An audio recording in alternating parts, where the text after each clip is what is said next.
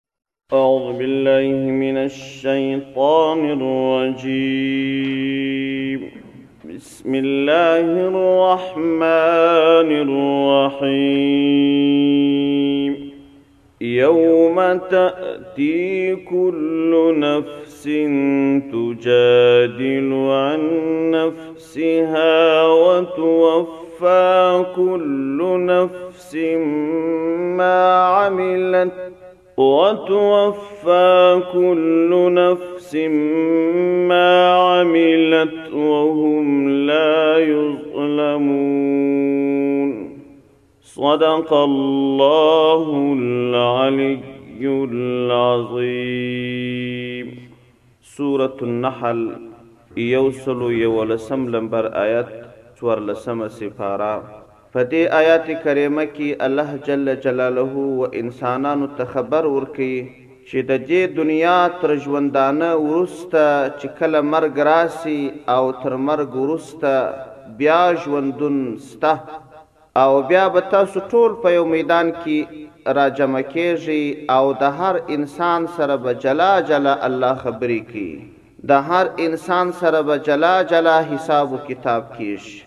کله چه حساب پیل سی حقیقت خلګو ته معلوم سی په دنیا کی چه د دنیا ژوند خلګو کاوه څوک پر سیده لاره روان وه څوک پر کږو لارو روان وه هغو خلګو ټولو ته به معلومه سی چې حقیقت څه وو موږ څه کول آیا زموږ عمل د حقیقت سره برابر وو د الله د هدایاتو سره برابر وو او که برابر نه وو نو کله چې ګناهګاره خلک کافران خلک بدبخته خلک به خپلو تاوانونو باندې پوه شي نو به الله ته چغې و نارې کړي چې یا الله یا الله یا الله یا الله رحم پر ما وکړې. نو هر کس به د خپل ورور، پلار، قریب، د هر چا څخه بیزاره وي، یوازې به د خپل ځان غم اخستی، د خپل ځان لپاره به مقدمه چلوي، د خپل ځان لپاره به کوشش کوي چې د تکلیفونو څخه ځان خلاص کړي. الله جل جلاله په دې آیت کریمه کې دا معلومات انسانانو ته ورکوي او ورته فرمايي، وايي چې بيا دغه ورځ راسي، تۀ ښه ښه واوره، ښه ورته متوجه شه، پوره باور وکړه چې په دا ورځ باندې بيا ستا دغه نعرې فائده نۀ کوي، په هغه ورځ باندې چغې او فرياد او توبه فائده نۀ کوي، دغه ورځ درته راتلونکې ده، ته اوس لا خبر شه، او داسې ورځ نۀ ده چې په هغه ورځ باندې دې تاته به لابد سزا درکړل شي، نه! په پوره عدل سره به سزا درکول کيږي. یوه ذره زیاتی به نه درباندې کېږي، دا خپل اعمال چې دي څه ډول دي په دغه ډول به سزا تاسو وینئ، دا که بعضې شیان الله معافول هغه بیا بېله خبره ده، ځکه الله عز وجل فرمایي، و ای انسانه! یاد که، یاد ئې وساته، یوم هغه ورځ، تأتي، چې رابه شي، کل نفس، هر نفس لره، تجادل، چې جګړه به کوي، عن نفسها، د خپله ځانه څخه، د خپل ځان په اړه به دلیل وایي، د خپل ځان په اړه به به مقدمه چلوي، یو روایت کې راځي، وایي د انسان سره دوه ځلې سوال کېږي، یو ځلې په قبر کې سوال کېږي او یو ځلې د قیامت په ورځ باندې، کله چې په قبر کې یو انسان کښېښودل شي،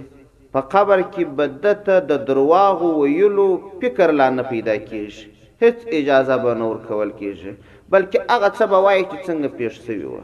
درې پوښتنې ملائکې ځنې کوي او ورته وايي، من ربک وما دینک ومن نبیک،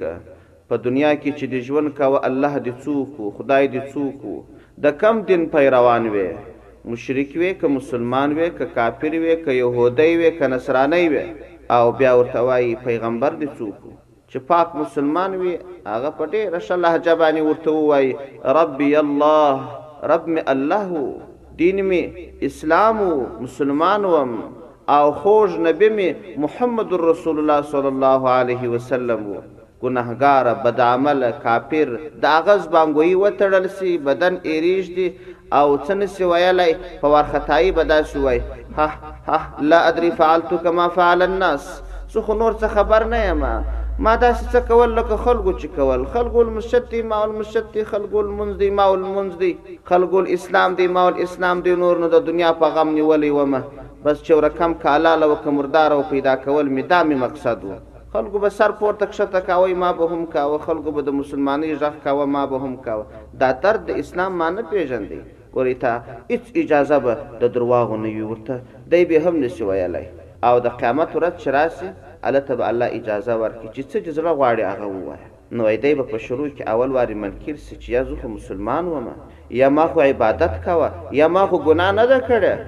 د څۀ به پر ده باندې د ده لاسونه، سترګي، پښې، ژبه دا به شاهدي ورباندې ادا کړي. لاسونه به ورته ووايي، وای تا په ما سره ګناه ونه کړل؟ پښې به ورته ووايي، تا په ما سره د ګناه و ځای ته ورتګ ونه کړ؟ سترګي به هم شاهدي ورباندې ادا کړي، ژبه به هم شاهدي ورباندې ادا کړي. ډبرې به هم شايدې ورباندې ادا کړي، مځکه به هم شايدې ورباندې ادا کړي، ډېر شيان به شايدې ورباندې ادا کړي. نو په دغه ورځ باندې به دی پوه شي چې سبحان الله! دا لاس چې ما ته الله راکړی و، د دې مالک خو زه نه وم، د دې مالک خو الله و، دا خو د الله يو مخفي پوليس و چې زما سره راسره و.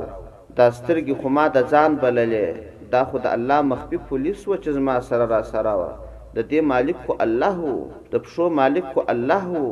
زما د وجود مالک خو الله و ما یې ناحقه دعوه کړې وه نو بیا به دی مجبور شي چې رښتیا ووایي او پر نیکعملو خلکو باندې به هم بیا شاهدان تېر شي د علماوو کرامو وینا ده د محققینو علماوو تحقیق دی وایي که چېرې په یو دښته کې یو څوک اذان وکړي او بیا لمونځ وکړي د دادشت ډبرې او بوټي به ټول پر ده باندې شاهدي ادا کړي د قیامت په ورځ به د ده پر مسلمانۍ او د ده د الله پر بندګۍ شاهدي ادا کړي همدا وجه د علما وايي وايي کله چې تاسو پر کوم ځای سجده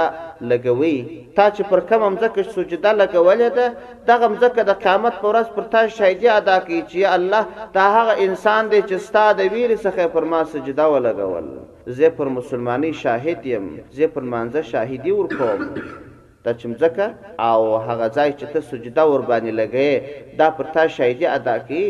نو د علماؤ کرامو توصيه تاسو ته دا ده چې تاسو چې څومرې ډېرې مځکې په نمانځه کولو باندې مشغوله کوئ مشغوله يې کړئ، فرض چې مو يو ځای وکړل سنت پر هغه ځای مه کوئ يو قدم آخوا ته شئ. چې هغه مځکه هم درباندې شاهده جوړه شي. نفل بیا یو قدم نور و اخوا ته وکړئ چې هغه مځکه هم درباندې شاهده جوړه شي. دا سجدې مختلف ځایونه وکړئ. په کور کې هم نفلونه کوئ. په کور کې سنت کوئ. مخکې سنت، وروسته سنت. دا کله کور کوئ، کله یې په مسجد کې کوئ. د دې لپاره چې پر تاسو باندې دا مځکه شاهده جوړېږي چې مختلف ځایونه د مځکې پر تا باندې شهادتونه ادا کړي. نو د تجادلو څخه مقصد دا دی چې دی جګړه کوي. جګړه دلیل ویل دلیل ویل نو څنګه وي اول واري دی منکر سي نو بیا چي شاهدان ورباندي تیر سي دی بې جوابه پاته سي نو اخیر ئې ومني په قبر کي بیا دا سهولتونه نه وي دغه شیان چي دده دپاره شاهدان دي دغسي حالات نه وي هلته د الله حضور نه وي نو هلته چي ددغه امکانات دده لپاره نسته نو ځکه درواغ هم ورباندي بند دي دلته هم الله جل جلاله درباغ ورباندي بندولای سي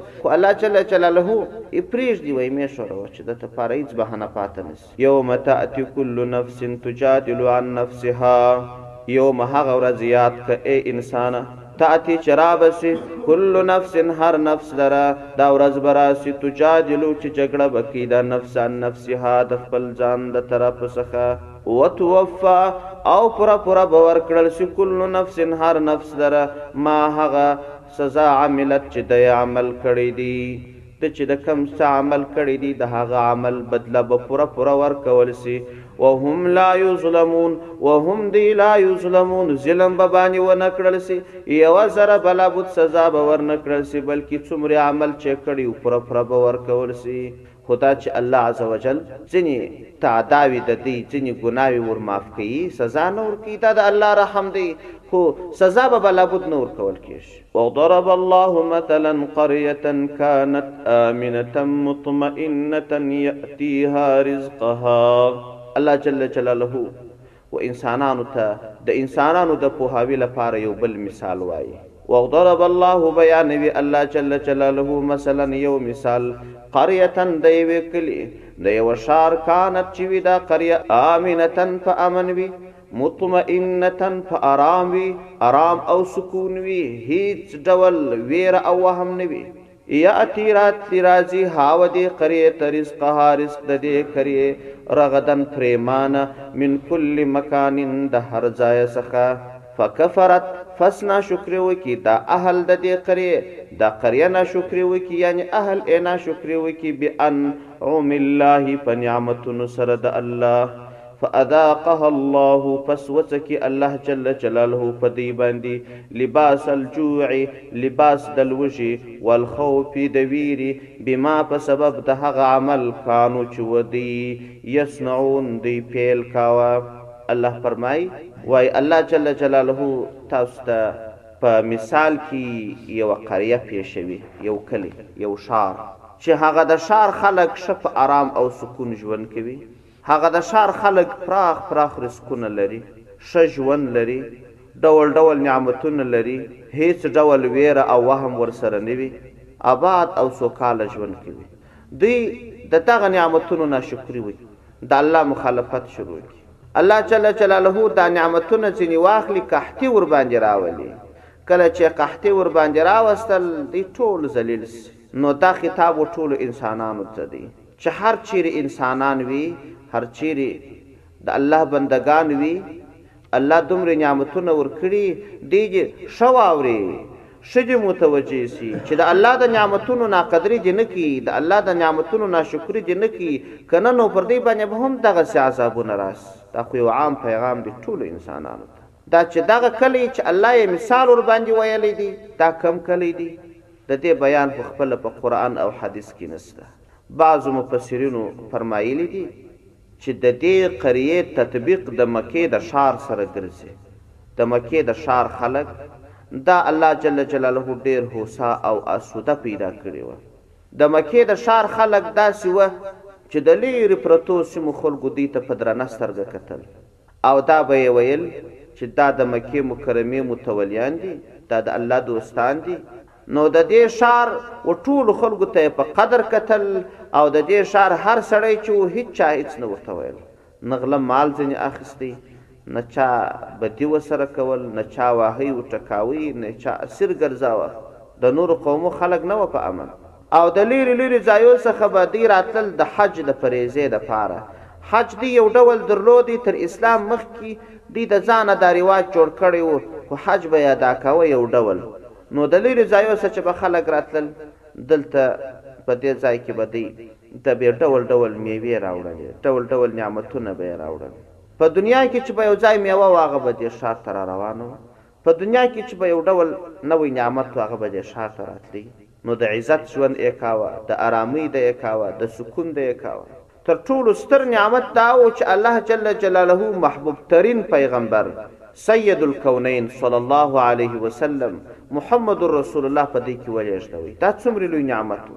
د پیغمبر علیه السلام لېږد دا ډېر لوی نعمت و چې الله په دوی کې وکړ. دا یو غټ افتخار و چې الله دوی ته ورکړ، دوی د دې نعمتونو ناقدري وکړل، ناشکري یې وکړل، پیغمبر علیه السلام ته یې په سپکه وکتل، دا نعمت یې قبول نه کړ، د الله مخالفتونه یې شروع کړل، د بتانو عبادت یې کاوه. حقیقت ورته روښانه شو، بیا هم پر ضلالت روان و، ازارونه، تکلیفونه، ډول ډول یې پیغمبر علیه السلام ته رسول، مسلمانانو ته یې رسول، دا د دوی ناقدري و، ناشکري وه، الله جل جلاله قحط پر دوی باندې راوستي، وچکلي، داسې قحط سالي، وچکالي، پر دوی باندې راغلل، دوی دومره مجبور شول چې حتی د مردارو حیوانانو غوښې وخوړلې، د سپو غوښې وخوړلې، د ټپوسانو غوښې وخوړلې، د لېوانو غوښې وخوړلې، مجبور شوه، مردارۍ ئې وخوړلې، خاشې او واښه و لرګي ئې خوړل. یو روایت کې راځي چې دوی ډېر تکالیف پیغمبر علیه السلام ته ورسول، پیغمبر علیه السلام ورته ښرا وکړل او ورته ویې ویل چې ای زما قومه! الله دې داسې وچکالي درباندې راولي لکه څرنګه چې د یوسف علیه السلام پر قوم باندې راغله، اووه کلونه پر هغه باندې قحط سالي راغلې وه. الله اووه کاله پر دوی باندې قحط سالي راوسته، دوی ظالمان په دې پوه وه چې دا د پیغمبر علیه السلام شرع ده، دوی ظالمان په دې پوه وه چې موږ پرغدلالت روان یو الله سزا راکړي، نو یوه جرګه ئې وکړل، یو مجلس ئې وکړي، په مجلس کښې ئې سره وویل چې دا خو د پیغمبر علیه السلام شعراء ده، دا زموږ بد عمل دی، نو یو کس ئې وټاکی ابو سفیان رضی الله عنه هغه مهال لا مسلمان سوی نه وو رالی د حضور پاک صلی الله علیه وسلم په حضور کښې کښېنستی او ورته وې ویل چې یا محمد صلی الله علیه وسلم موږ که بد عمله یو موږ که کفار یو موږ که مشرکان یو موږ ته که سزا راکول کیږی د دې قوم ماشومانو څه ګناه کړې ده هغه خو بې ګناه دي هغه خو بد عمله نه دي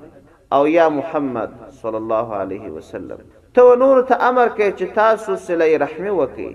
او موږ ستا قوم یو، ته موږ ته ښې راکړه په لوږه او په تنده مو هلاکوې. بیا پیغمبر علیه السلام خو ډېر مهربانه او زړه سوانده پیغمبر و، د دوی پر پر ویرجن حال او پر ماشومانو ئې زړه وسوځي، دعا ئې وکړل. الله جل جلاله پر دوی باندې باران و باران وکړي حتی یو روایت کې راځي چې پیغمبر علیه السلام خپله هم غله ورته ولېږل نو الله جل جلاله دغه ښار ښودلی دی چې دغه ښار دغسې ښه اوسا اسوده ارام ښار و خو کله چې بدعملي شروع کړل د الله ناشکري یې شروع کړل الله قحط ورباندې راوستی ارام او سکون یې ولاړی هر چیرې د مسلمانانو څخه وېرېدل پخوا دوی وېره نه درلوده په امن وه او په تې وېره کې وه چې نن به مسلمانان حمله راباندې وکړي، سبا به یې راباندې وکړي. قافلې ئې په امن نه وې، کوچنۍ کوچنۍ ډلې چې به دوی چېرې لېږلې په امن به نه وې، نو ځکه به دوی ډېر کوشش د ځان د دفاع لپاره کاوه.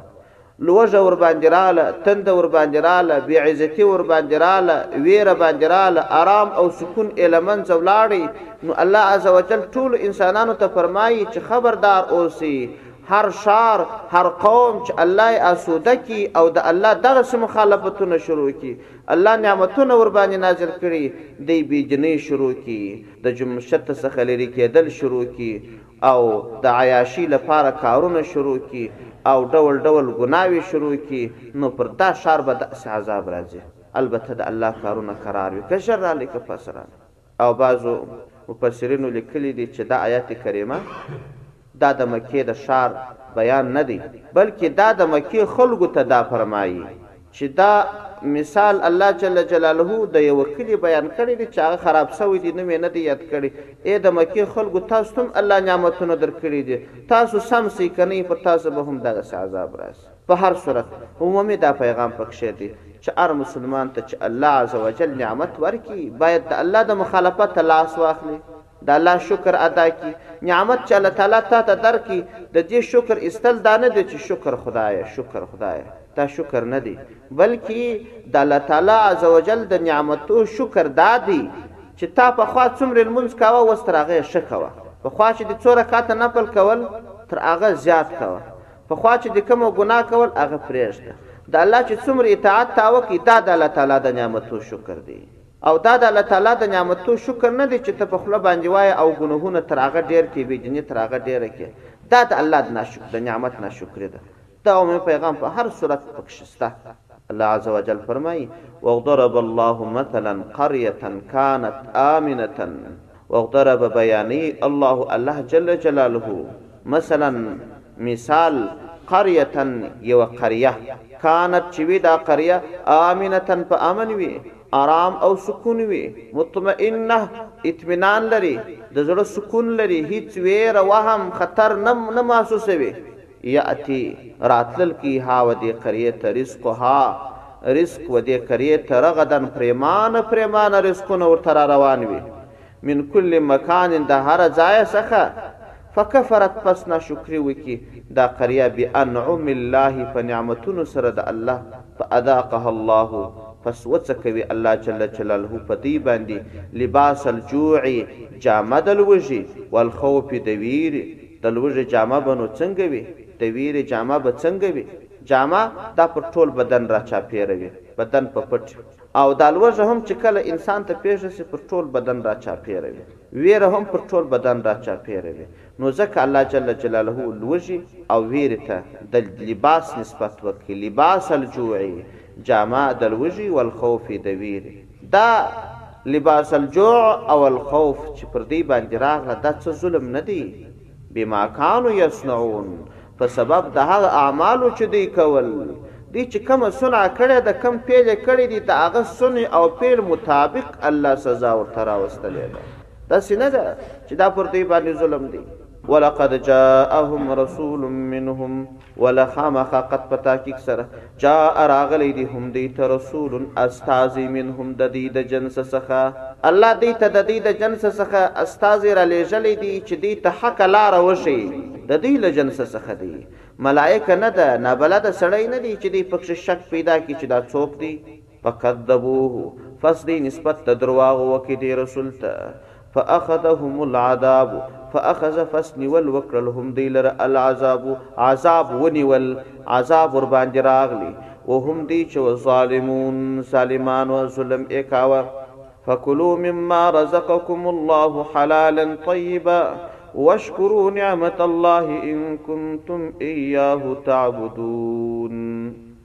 د مکې کافرانو بعضي څه د دين خبري د څانه جوړي کړي وې. کله کله به دوی داسي کول چي يو پسه به حلال سوی نه وو داغسي به مړ وو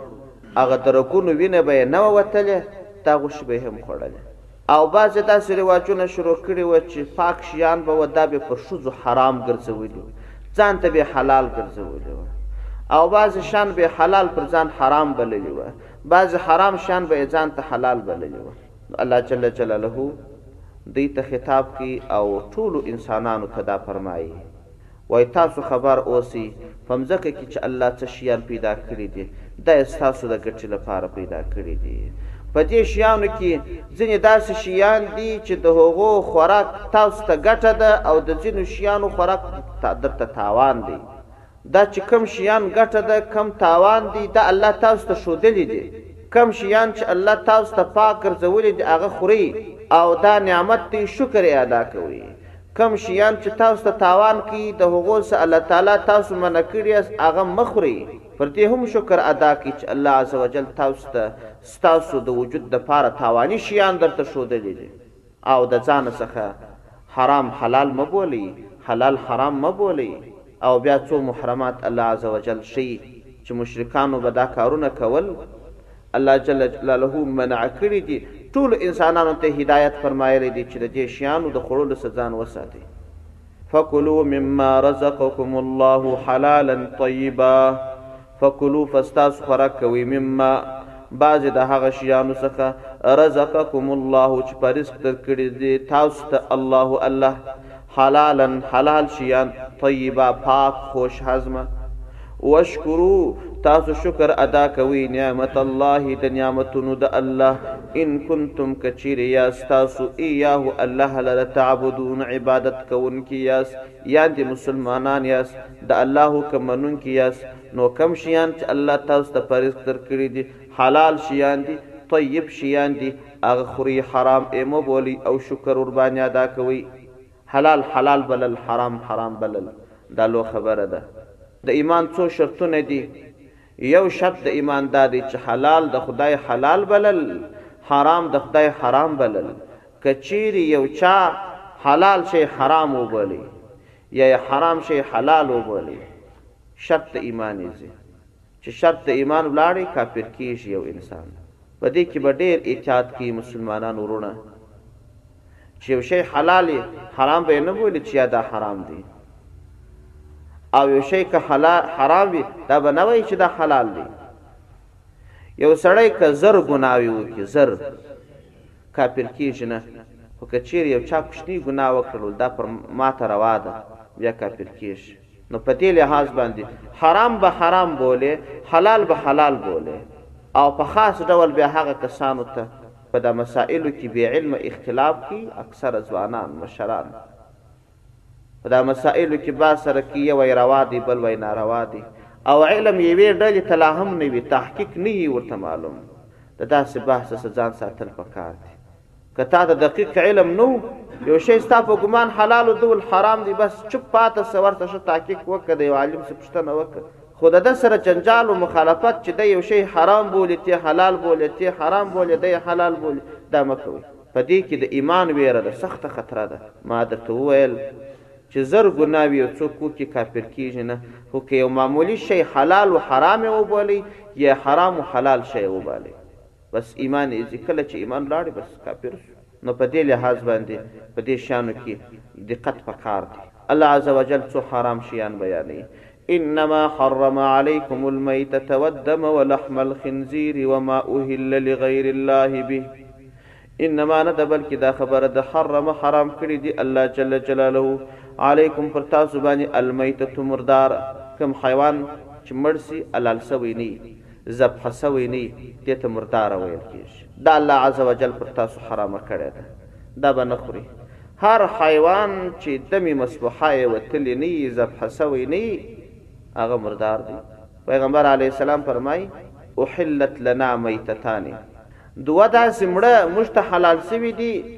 چی ذبح شوی نه وی السمک و الجراد یو ماهی دی الالېدل نه غواړي، ذبحه کېدل نه غواړي، پاک دی. او الجراد بل ملخ دی،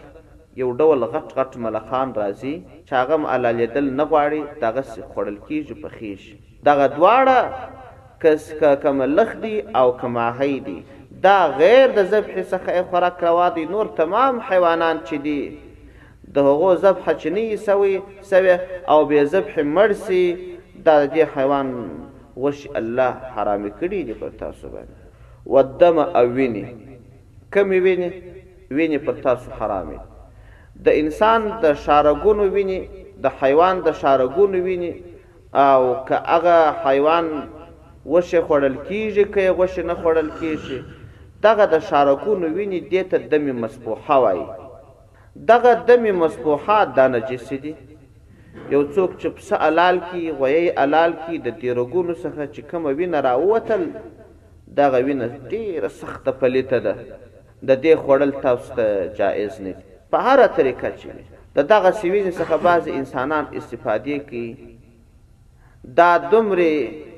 بد کار دی لکه یو څوک چې د مردارۍ څخه استفاده کوي انسان یا د حیوان مرداري څومره پلیته ده دا هم داسې پلیتې دي یو درهم قدر که چیرې ستا کالو ته دا وینه ورسیږي لمونځ دې صحیح نه دی نجسه ده د پسه بولې که چېرې ستا جامې ته ورسېدلې، څلرمه پټه د لستوڼي دې په ولړل شو، نو بیا یې پرېولل په کار دي، تر هغه کم پرېولل نه دي په کار.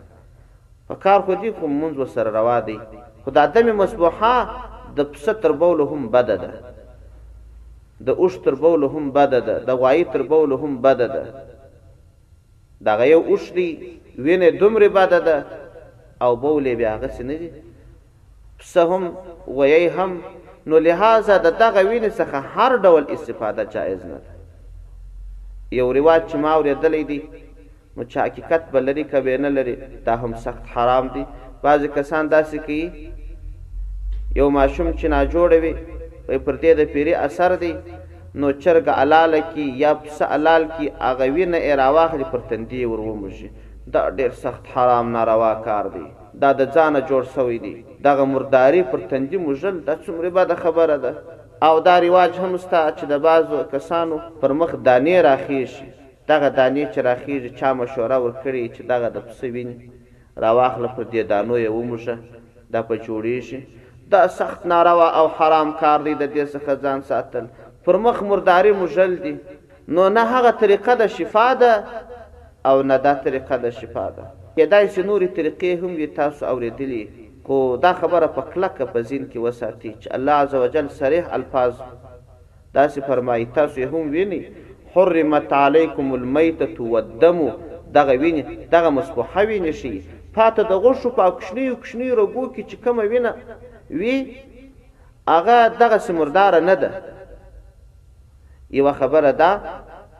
د وینې په اړه باندې پیغمبر علی السلام یو بل حدیث هم فرمایلی دی احلت لنا دمانی الکبد والطحال زموږ لپاره دوی ګاټه ویني جائز ګرځول شوی دی هغه یوه اینه ده یو توری دی دا اینه اصلا ټول وینه ده دا توری دا هم اصلا ټوله وینه ده دغه دوی وینی دا چی پخی سی موږ ته جایز کړل شوی دی دا دم مسبوحه دا مطلق حرام دی نو که چیری پر کوم ماشوم یا پر کوم مریض د پیری اثر وی یا دغسی ناروغ وی نو صدقه رد بلا ده. چرګ الال که چرګه الاله که پسه الال که غویی الال که خو دا د وینو کار یې مه کوه د الله د رضا لپاره یې وکه الله به دغه ناجوړي ایسته کړي الله به دا بلا ستا سه رد کړي خو دغه کار دا شیطان په خلکو کې رواج کړی دی تاسو د علماو سه پوښتنه وکړي او ووایاست چې دغه طریقه چیرې په یو کتاب کیم راغلې ده یا کمزورې کتاب یا قوي کتاب یا ضعیف کتاب او تا چیرې یو چا ویلي دي که دا د سپنسرانو د ځانه جوړ کړی دی دا کار دا ټینګار ځکه ورباندې کوم چې سخت حرام دی او ددې نه څځان په کلکه ساتل پکار دی. ولحم الخنزیر او بل غوښې د خنزیر الله پر تاسو حرامې کړې دي، یواځې غوښې نه، خنزیر ډېر بد شی دی، د خنزیر وېښته، غوښې، اډوکي، هر څه د حرام دي. وما او هغه حیوان حرام دی احل چې ږغ ورباندې شوی لغیر الله، ما سوا د الله څخه بیهی په دی حیوان باندی د حلالیدو په وخت کی د یو بت په نوم بانی حلال سوی او یا دا چی دا حیوان د یو بت پر نوم باندی نذر سوی تر اسلام مخکی مشرکانو څه کارونه کول څه حیوانان ېې درلودل. بحیره، حام، سائبه، دا بعضې حیوانان وه چې دوی به د بت پر نوم باندې نذر کړي وه، غوږ به یې ورته چا کړی و چې دا د پلانکي بت پر نامه نذر دی، خلکو به بیا پېژندی، کار به یې هم نه ورباندې درلودی، د حلالېدو په وخت کې به هم دا بت نوم یادوی. نو هر هغه حیوان چې د علالیتو په وخت کې د الله بغیر د بل چا نوم یاد شي هغه مردار دی او هر هغه حیوان چې د الله د نامه بغیر د بل چا پر نامه نذر شي هغه حرام دی. نو په دې وجه باندې کتابونه پر دې باندې ډېر ټینګار کوي، وایي کله چې پسه علالیې د هیچا نوم به نه یادوې. د هر چا لپاره چې الاله یې یو وارې الال که د الالېدو په وخت کې الله اکبر ووایه کله چې د الال کې بیا هر چا د پاره چې تا الالې هغه ته ثواب ور وبخښه وایه الله د پلانکي کس روح په خوښ کې هغه ته ثواب ورسوي خو پام د ذبح د الالېدو په وخت کې که دې دا وویل بس پسه دې مردار کړي هر څوک چي دي ياد کړي، که دي د پلار د پاره الاله وي، که دي د يو شيخ له پاره الاله وي، پام د الالېدلو په وخت کي به هيڅ نوم نه باندي يادوې. په دغه کي ډېر خلک په بې احتياطۍ کي واقع سوي، په دغه کي هم څه احتياط په کار دئ، چي د الالېدو په وخت کي به څه نه وايه، چي الال دي کړي، د الالېدو په وخت کي به يو د الله نوم يادوې، د هغه مخکي وروسته دعا وکه او په زړه کي نيت وکه، چي د پلانکي کس له پاره الاله وم. د هغه د ثواب رسېدو لپاره علالوم، خو د ذبحې په وخت کې به ډېر احتیاط کوي او پسه به هم د الله پر نوم نذر کوي، یا الله ستا د رضا لپاره مې نذر کړی دی، ستا د رضا لپاره مې خیرات ایښی دی، یوازې د الله د رضا لپاره، د بل چا لپاره نه، ثواب یې هر چا ته بخښلی شي. وما احل لغیر الله به و د هغه رنګه حرام دي هغه حیوان چې د الله لېدو په وخت کې د الله د نامه بغیر د بل چا نوم ورباندې یاد شوی فمن اغتر غیر باغ پس هغه څوک که محتاج شو فمن پس هغه څوک اغتر که محتاج شو. سخت مجبور شو، وږی شو، په لوږه کې د مخمسې حالت ته ورسېدی، که چېرې دی نور خوراک ونه کړي، مړ کېږي، په دغه حالت کې که چېرې څه مرداره وینه په لاس ورغله، د خنځیر غوښې په لاس ورغلې، د مردار حیوان غوښې په لاس ورغلې، نو ګوره، غیر باغ ولا عاد، تېری به نه کړي، تجاوز به نه کړي، دومره قدر خورک ئې ورته جائز دی چې فقط د مرګه ځان په را وګرځوي نو دا الله عزوجل استثناء کړې ده فمن فس هغه څوک اغتر که محتاج سو غیر باغ چې باغي نه وو سرکشي ئې نه کوله د مستۍ د پاره ئې دا خوراک نه کاوه ولا عاد نه تجاوز کوونکی وو تر خپله اندازه ئې زیات نه خواړی فقط د مرګه ځان په را ګرځوي.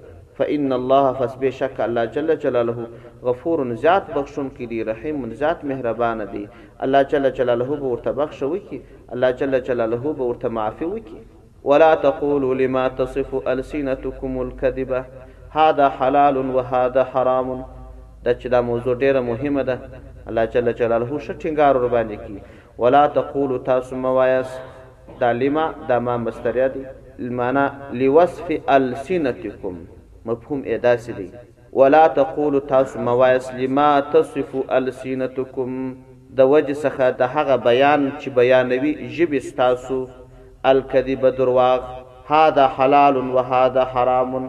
مه واياست چي شي مه واياست دا مه واياست چي هذا حلال دا حلال دي په خپل مزاج وهذا حرام دا حرام دي په خپل مزاج. ولا تقولو هذا حلال وهذا حرام لما تصف السنتكم الكذب اي لوصف السنتكم الكذب ستاسو د ژبو د درواغ ویلو په وجه باندې چې ستاسو ژبې درواغ وایي او ستاسو ژبې د درواغو وسب دا په حلال او په حرامو کې بیانوي نو تاسو په دې وجه باندې دا مه وایاست چې دا حلال دی دا حرام دی، د خپلو ژبو د درواغو په وجه باندې پر شیانو باندې د حلال او د حرام فتوا مه لګوئ، مقصد ئې دا دی. لتفترو علی الله الکذب، لی د فاره د دې، تفترو چې تاسو د ځانه درواغ وتړئ، علی الله پر الله باندې الکذب درواغ. ان الذین یفترون علی الله الکذب، ان بېشکه الذین هغه کسان یفترون چې جوړوي د ځانه علی الله پر الله باندې الکذب درواغ لا یفلحون خلاص به نه سي الله به ورسره حساب وکړي. متاع قلیل دا د دنیا ژوند دا یو نفع اخیستل دي ډېر لږ ولهم دوی لره عذاب الیم عذاب زیات دردناک سته دا د یو څو ورځو ژوند دی ډېر ژر به تېر سي خو د دې څخه وروسته سخت دردناک عذاب سته. وعلى الذين هادو حرمنا ما قصصنا عليك من قبل الله جل جلاله به توري مثال بيانوي يهود قوم دا ډير کمزوري وه په عمل کولو کي ناشکره وه کمزوري خلګ وه الله عزوجل پر دوی باندي دين سخت کي ځيني شيان حلال ئې ورته حرام کړل. الله جل جلاله و مسلمانانو ته فرمايي، وايي، پر يهوديانو باندي موږ ځيني شيان د دوی د بدعملۍ په وجه حرام کړي وه، خو پر تاسو مو هغه بنديز بيرته پورته کړ، هغه شيان مو بيرته درته حلال کړل. دا چي پر دوی باندي دا شيان منع سوي وه، دا په حقيقت کي دوی پخپله پر ځان ظلم کړی وو، بدعملۍ ئې کړي وې، نو که تاسو بدعملي پيل کړل، کېدلای سي پر تاسو هم تکاليف راسي. وعلی الذین پر هغه کسانو باندې هادو چې یهودیان وو حرمنا موږ حرام کړ ما قصصنا علیک هغه څه چې موږ بیان کړي دي پر تا باندې من قبل مخکې مخکې الله جل جلاله بیان کړي دي په سورة انعام کې الله عز وجل فرمایي وعلى الذين هادوا حرمنا كل ذي ظفور ومن البقر والغنم حرمنا عليهم شحومهما الا ما حملت ظهورهما الله پر دوی باندې د پسو د غویانو وازګه حرامه ګرځولې وه څه شیان یې حرام ورباندې ګرځولي وه چې بیرته دې امت ته جائز سوه وما ظلمناهم او موږ ظلم پر دوی باندې نه وو کړی ولکن دونه خبره ده کانو وه دوی انفسهم پر ځانو خپلو باندې یظلمون دوی ظلم کاوه دوی پر خپلو ځانو باندې ظلم کړی وو. ثم ان ربک للذین عملوا السوء بجهالة بعضې کسان داسې وه چې په دې کفر و شرک و یهودیت کې خو به واقع وه وروسته به یې د اسلام دین قبول کړ توبه به یې وایستل الله جل جلاله داسې کسان ته خوشخبري فرمایي وایي کوم کسان چې ایمان والا جوړ شوه، توبه یې وایستل او اعمال یې سم کړل، الله د دې خلکو دی، الله به ورته معافي وکړي، الله به ورته ښه نعمتونه ورکړي، ثم وروسته ان بېشکه ربک رب ستا چې دی للذین هغه کسانو لره دی، عملوا السوء چې عمل د بدیو یې کړی و بجهالة په ناپوهۍ سره، جهالت ناپوهي وه، ناخبرتیا وه. ثم تابو بیا یې توبه ویستل من بعد ذلک وروسته تر دغه تر دغه بدو اعمالو او تر پوهاوي وروسته یې نو بیا توبه ویستل واصلحو او دوی اصلاح د اعمالو وکړل سمه لاره یې اختیار کړل. ان بېشکه ربک رب ستا چې دی من بعدها وروسته تر دغه له خامخا غفور زیات بخښونکی دی رحیم زیات مهربانه دی رحم والا ذات دی. نو که هر بد عمل د چا څه سوی په جهالت باندې بیا توبه وباسي الله یې ورته معاف کوي سبحان ربک رب العزة عما یصفون وسلام علی المرسلین والحمد لله رب العالمین.